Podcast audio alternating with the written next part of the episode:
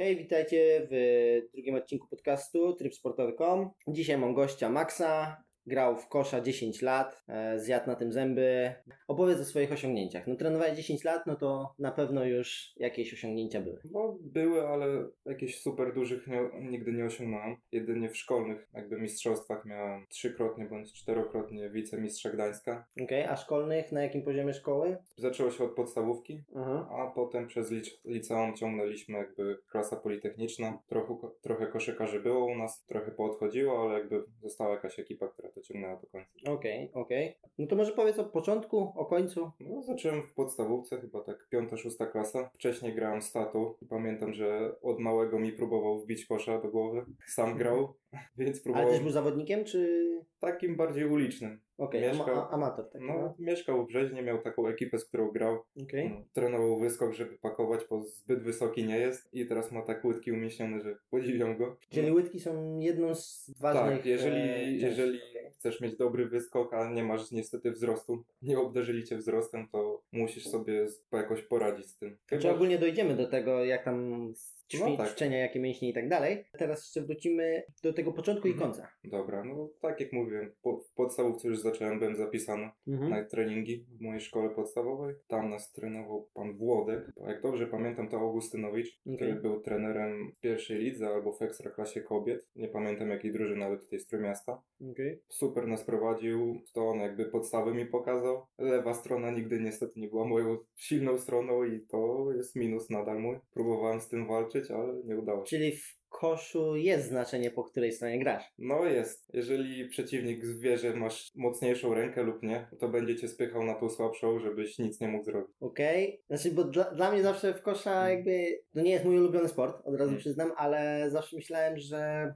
nie ma czegoś takiego jak lewa, prawa strona, że jakby umiesz rzucić za trzy Mhm. z prawej, to umiesz za trzy z lewej, umiesz ze środka Nie, i no tak dalej. to z rzutami akurat to wiesz, to możesz lewa, prawa, strona, środek, podkosza, to ten, nie ma sprawy, ale jeżeli już masz, przychodzi co do kozłowania Mhm. i ktoś wie, że lewa strona twoja albo prawa jest ten, Ale to widać? Widać czasem po koźle, ale można to też zamaskować. Próbując Okej. grać trochę tyłem, trochę jakoś tak pivotami właśnie pod kosz. A pivoty to są? To są obroty. Próbujesz grać trochę plecami jak center, ale jednak się tam obracasz w stronę kosza, żeby twarzą być. Okej. Ehm, co ma koszykówka, czego nie mają inne sporty? W sumie mi jest trudno powiedzieć, to jest to sport drużynowy, jak wiele innych, Mhm.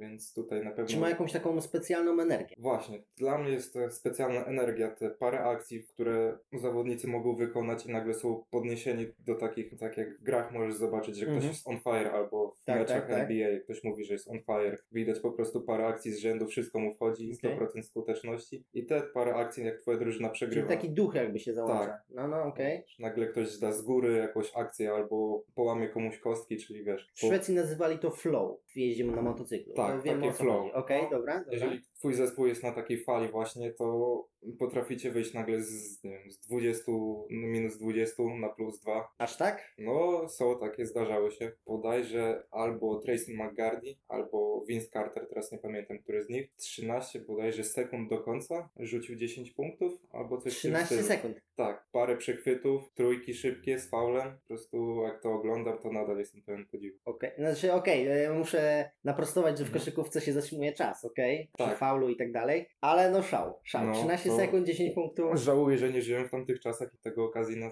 na żywo obejrzeć. Okej. To przejdziemy jeszcze dalej. E, Co jest ważne u koszykarza? Czy siła, czy prędkość, czy zwinność, a może czytanie gry? W sumie w nowożytniej koszykówce, no, takiej nowoczesnej, wymaga się od każdego zawodnika tych wszystkich cech.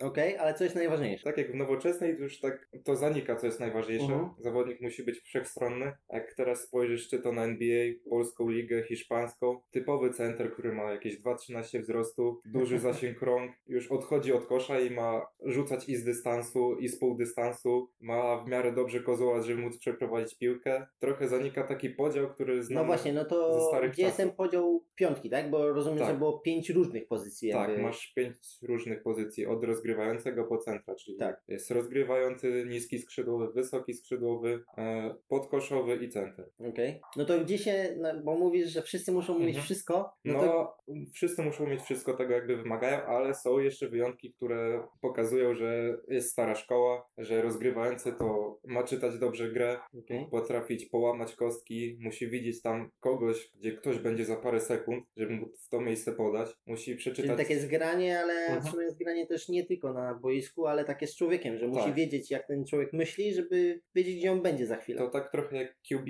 w futbolu amerykańskim. Okej. Masz zagrywkę, QB nie wiesz, nie patrzy na to, że ktoś na niego leci, on wie gdzie ma podać i wymaga od tego, czy to jest receiver, czy tight end, tak żeby, ślepo po prostu tak, rzuca i żeby w podaje, tym tak? miejscu był, on to złapał i pobiegł. Dobra. Czy wysokość, czy wzrost Mhm. jest ważny? No bo mówisz, E, że jest niski, wysoki, skrzydłowy, no tak. to Wzrost jest ważny, w sumie jest parę wyjątków, dobrych zawodników, którzy nie są obdarzeni wzrostem okej. i nadrabiają właśnie walecz, walecznością. Ale o, jakim, o jakiej wysokości w ogóle mówimy? Bo mówisz niski, a w Mhm. koszu niski może być nadal wysoki. No właśnie, to jest tak śmie- dość śmieszne. Tak myślę, że opcjonalny wzrost to jest 1,90 m. Już zawodnicy z 1,80 m, 70 zanikają. Albo są, ale mają duże problemy. Czyli mówiąc 1,80 m, to już jest niski koszykarz. No, to jest tak, za wysoki nie jest o tak. Okej, dobra. Widać wtedy różnicę jakby między innymi zawodnikami. A jakiś najbardziej znany koszykarz, który był jakiś mega niski? Ma- Są tacy? Maxi Buggins, jak dobrze je wymawiam, imię i nazwisko. E, I on miał? Coś koło 1,50 m, 60 Czyli się dało. Czyli się dało, a grał za czasów Dikembe Motumbo, zawodnika, który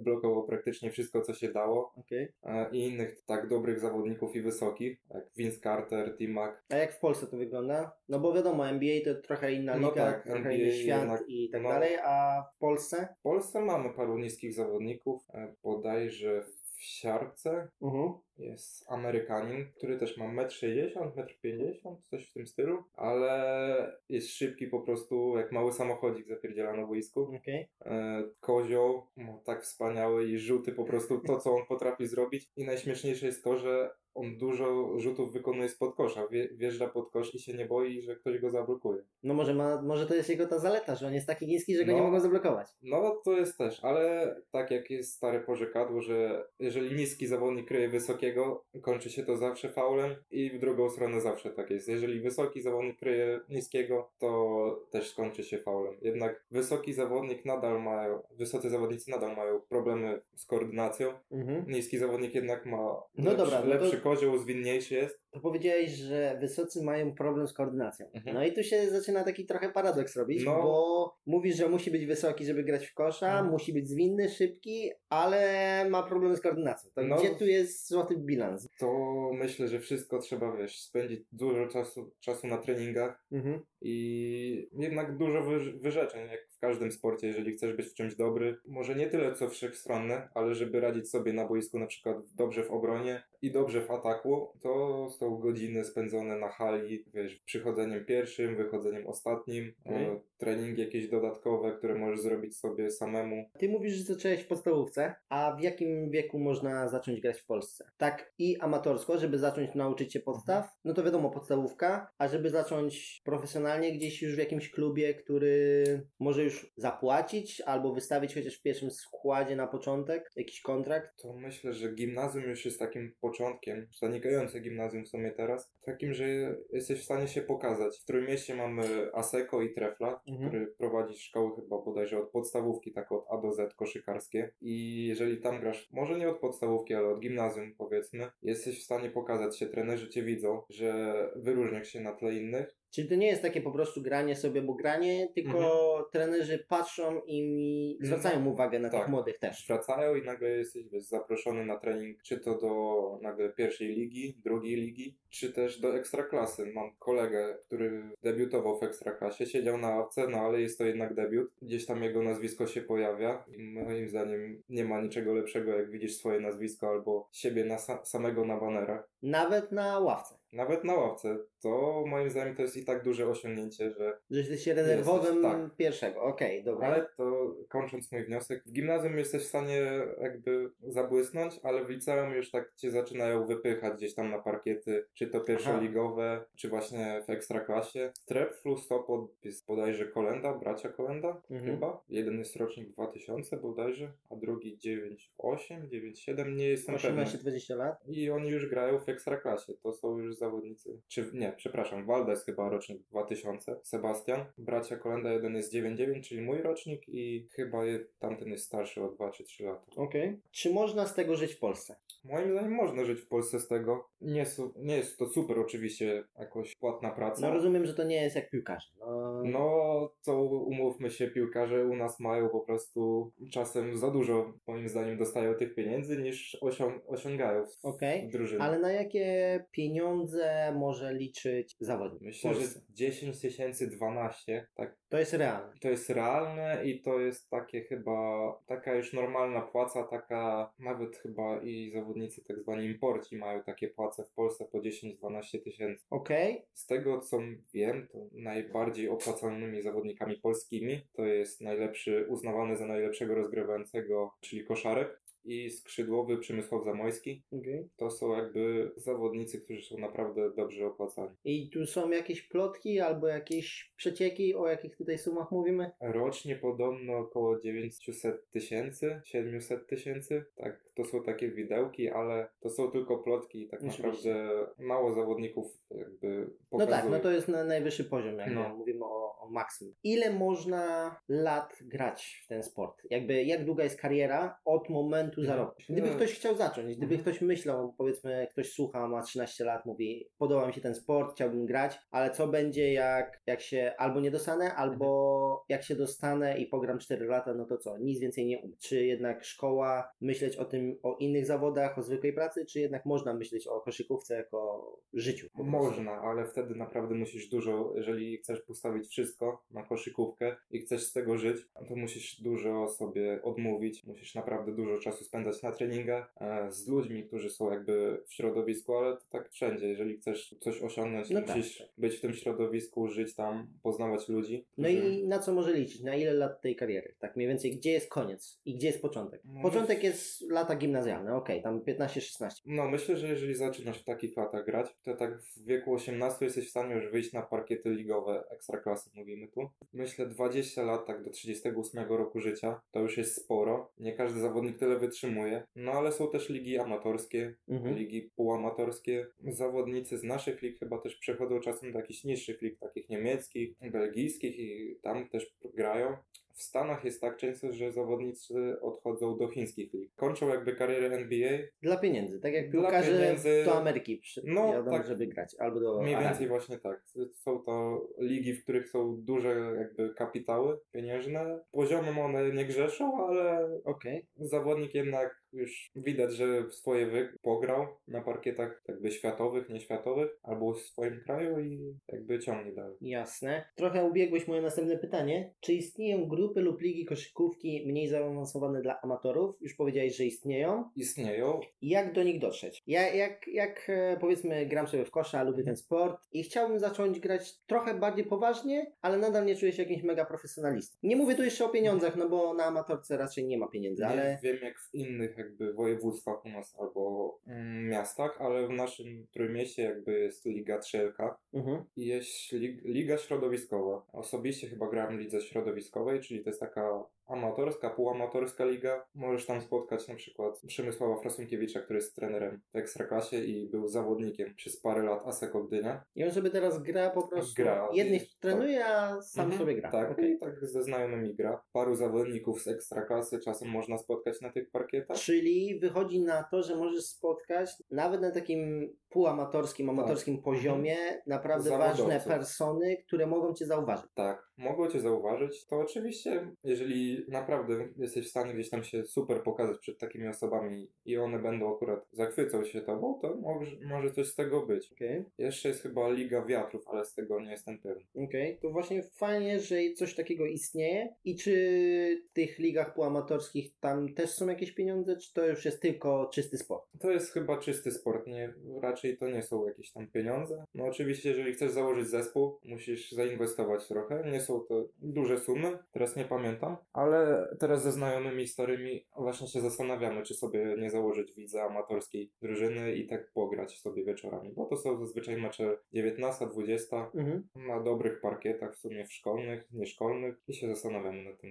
Okej, czyli można. Można sobie tak dla fanu i Tak. nawet tak jako jakiś jeden etap pomiędzy amatorką a profesjonalną. Tak, moim zdaniem, jeżeli grasz w jakiejś drużynie właśnie na poziomie gimnazjalnym albo coś, jeszcze to drużyna, która gra w jakiejś lidze takiej juniorskiej, I ma potencjał. ma potencjał, to dobrze się gdzieś tam podłapać właśnie do takiej ligi jak półamatorskiej, amatorskiej, bo jednak różnica wiekowa jest duża często. Pamiętam jak ja zaczynałem, to miałem bodajże z 16 lat i spotkanie się z 40-latkiem, który jest może nie wyższy ode mnie, Ale na pewno silniejszy, bardziej jest doświadczony. silniejszy, może nie też doświadczony, ale jednak masa często robi coś Mhm. bo mimo to, że jesteś w stanie wymusić na nim faul, to jeżeli się od niego odbijesz i źle upadniesz, to potem jest trudno grać z jakimś mikrourazem albo urazem do końca meczu. Czyli można też nabrać doświadczenia takiego Tak, to z myślę, większymi, trudniejszymi przeciwnikami. Mhm. myślę, że to jest najważniejsze, ograć się. Jeżeli się ograsz z trochę mocniejszym przeciwnikiem, to w swojej lidze potrafi, będziesz potrafił rządzić, po prostu wymiatać parkiet. Okej, no tak, to chyba w każdym sporcie jest No. tak, że lepiej ćwiczyć z lepszymi od siebie niż na swoim Tak, poziomie. dostawać w tyłek baty, ale to są często najlepsze lekcje. Tak, to jest doświadczenie. Granie w kosza to nie wszystko. Jaki inny trening musi wykonać koszykarz? Czy musi chodzić na siłownię? Nie wiem, może musi pływać, może musi biegać. jakby wszelkie takie związane ze sportem typu właśnie rower, czy też bieganie, pływanie, to są super rzeczy, żeby rozwijać się, bo one rozwijają cię też trochę w inny sposób niż rozwijacie koszykówkę. Okej. Na siłowni jesteś w stanie oczywiście robić treningi typowo koszykarskie, czy sobie zaczniesz trenować nagle wyskok, czy trochę swoją siłę. Poczekaj, bo niektórzy mogą posłuchać i powiedzieć, na siłowni możesz zrobić treningi typowo koszykarskie. To brzmi tak troszeczkę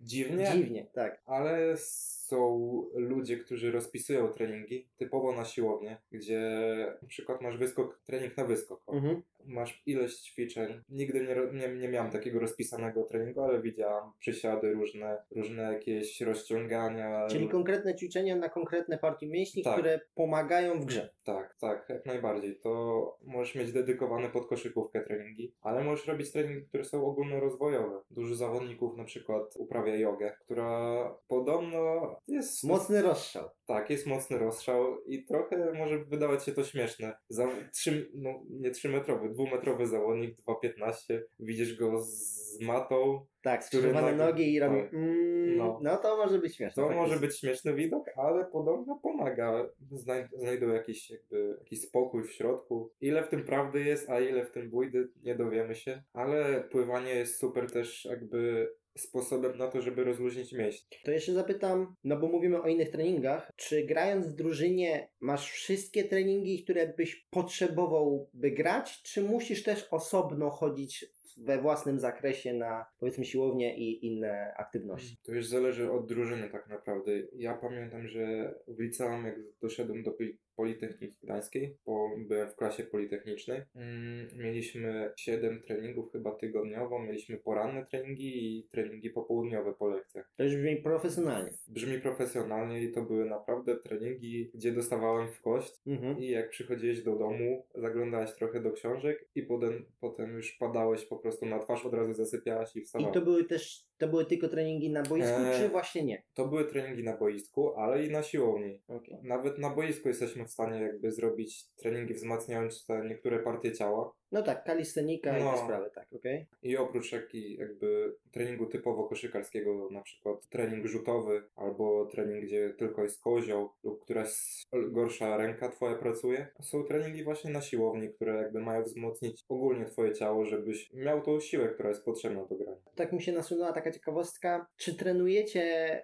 Kiedyś widziałem takie zawody, że stoją całe zestawy piłek, jakby co ileś tam, co metr powiedzmy pod różnym kątem na, trz- na rzut za trzy Mhm. punkty i rzuca się jakby na czas i ile się ich trafi. Tak, są, jest to też taki trening. Jak to się nazywa? To ma jakąś swoją specjalną nazwę, czy... W sumie to nie wiem, chyba nie ma, ale znaczy jak się głębiej pewnie poszuka, to można gdzieś znaleźć nazwę. I czy to coś daje taki trening, czy... Daje, uwierz mi, że daje. Ja pamiętam, że jak już byłem na takim dobrym poziomie w rzutach, bo jednak ja się fascynowałem Przemysławem Zamojskim. Osoba, która ma nazwisko tak samo brzmiące jak ja, Mhm. tylko że inaczej się pisze. Moje pisze się przez Y, jego przez J. Jest to świetny strzelec za trzy. Zawsze mi to imponowało. I ja znając swój styl gry i moi trenerzy też to zauważali, że ja biegam w sumie po narożnikach. Jeżeli jest kontra, potrafię, byłem zawsze pierwszy w kontrze, potrafiłem to wykorzystać, ale jeżeli się atak ustawiał, atak statyczny, zawsze byłem w rogu, więc jeżeli ktoś już wchodził pod środ do środka, obrona schodziła do środka, ja byłem wolny i chciałem mieć tą skuteczność taką, że jeżeli jestem sam, to wiem, że trafię. I naprawdę jak już doszedłem do dobrego poziomu rzutowego, byłem w stanie rzucić na 20, a przynajmniej na 40 za 3, nieważne jakiej pozycji, więc 50% to już jest dobry wynik, ale to był też czas, gdzie wakacje tłukłem trójki, czasem z dość głupich pozycji, z dość głupich sytuacji, które sobie robiłem, ale to jakoś przynosiło efekty. Okay. Właśnie, jaka, jaka statystyka, bo nie oszukujmy się, Mhm. koszykówka to jest taki bardzo amerykański sport, przynajmniej według mnie, i tam Amerykanie mają bardzo wielką e, nagonkę na statystyki. Czy statystyki w Polsce są też tak ważne? To i w sumie chyba na europejskich poziomach, jeżeli chodzi o procent rzutowy, czyli Mhm. na przykład oddajesz 10 rzutów, masz 7 trafionych, czyli 70% Mhm. skuteczności w meczu, to jeżeli patrząc pod taki procentowy, ile rzutów oddałeś, a ile trafiłeś, moim zdaniem w Europie chyba jest wyższy. Jednak w Stanach, jeżeli oglądasz NBA, to czasem możesz zobaczyć coś takiego, że obie drużyny przez ileś minut nie trafiają i nagle jest boom, gdzie ktoś wykonuje 10 rzutów z serii i nagle Okej. te 10 rzutów trafia, ale patrząc na jakby ogółem na cały mecz w NBA potrafi zawodnik rzucić 40 razy, a, rzucić, a trafić 17 koszy, czyli procent z tego jest naprawdę niezbyt dobry, Jak na taki poziom? jak na taki poziom, ale te, dajmy na to, że te 17 punktów to są tylko punkty za dwa, czyli tak naprawdę rzucił 34 punkty, Mhm. 34 i bardziej patrzą na to, ile ktoś rzucił punktów, niż na to, jaki miał procent. Okej. Gdzie u nas jednak ten procent często jest o wiele ładniejszy i zdobycz punktowa też jest często dobry. No ale czy może w Polsce nie gra się bardziej zachowawczo przez to? Że jakby rzucasz Eee. tylko wtedy, kiedy masz pewność? Oglądam polską ligę i właśnie w sumie dzisiaj jest półfinałowy mecz Stelmetu. Rozmawiamy 13 maja. O Dobrze. 12.25, jak dobrze pamiętam. E, Stelmet gra, pierwszy mecz przegrali i wracając do tego, co chciałem, do czego chciałem nawiązać, to polska liga jest bardzo statyczna. Jednak jeżeli oglądamy Euroligę czy NBA, tam jest ruch. Nieważne gdzie jest piłka, tam jest, tam jest non-stop ruch. Piłka może być u góry, czyli na linii za trzy punkty rozgrywający ją może kozłować, trzymać, a pod koszem dzieje się magia. Zawodnicy robią sobie zasłony, jeden wybiega po zasłonie na jakąś pozycję, zmieniają się, jest przekazywanie w obronie zawodników, ataku jest dużo ruchu i to jest w Eurolidze i w NBA, a u nas jednak często mimo to, że jest jakaś zagrywka, to nie widać tego ruchu za bardzo. Okej. I jeżeli ktoś ogląda Euroli-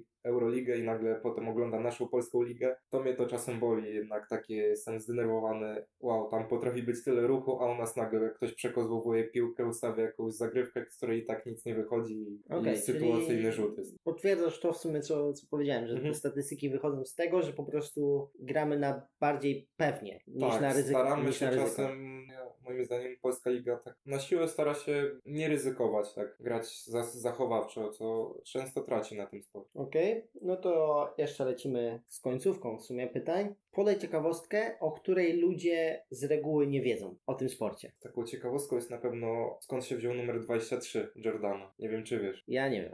Jordan miał brata, nie pamiętam jego imienia, ale też grał w koszykówkę. Był o wiele niższy od Jordana, ale Jordan się zawsze nim fascynował. Mhm. Jego brat grał z numerem 45, więc Jordan sobie stwierdził, że weźmie połowę tego numeru. No a że nie ma 22,5. Nie ma, nie można właśnie w połówki mieć, więc wyszło 23. Czyli taki przypadek. Przypadek, ale nawiązując też do tego, Jordan bodajże jak wrócił, nie wrócił, grał wtedy w Chicago, e, nie pamiętam w którym roku, ale zagrał z numerem 45, żeby jakby pokazać swojemu bratu, że by ucz, uczcić go. Okej. Ale A- też ciekawostką jest na przykład, to jest związane bardziej z koszykówką, taką modą może, skąd się wiem, kultura sneakerheadów, czyli tych, którzy zbierają buty, są maniakami po prostu butów. Ja w pewnym momencie grając w kosza też byłem takim maniakiem i mam naprawdę dużą kolekcję butów. Okej. I ta kultura zaczęła się tak naprawdę w 1985, czyli to jest data wydania pierwszych, pierwszego modelu syg- sygnowanego na nazwiskiem Jordana. Mhm. To były jedynki Jordany i tak naprawdę od tego momentu to się zaczęło wszystko z, z tym zbieraniem butów. Czyli on był taką ikoną jak Michael Jackson w Tak. muzyce. Coś, coś na tym. Jeszcze tak jakby ciekawostka do butów, kultowe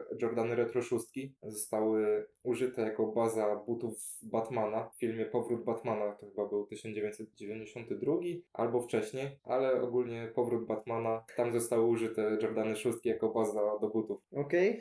Z To tego, jest akurat dobra ciekawostka. i z tego co pamiętam, to chyba parę lat temu zostały sprzedane na aukcji za 20 tysięcy dolarów albo trochę więcej. Wow. Wow. Właśnie, jak już rozmawiamy o butach, e, to przyszło mi pytanie na myśl, czy te buty do kosza Mhm. muszą być takie wysokie? To po pierwsze, i co je charakteryzuje, i dlaczego, i czy są ważne? Mm, Zgaduję, że są.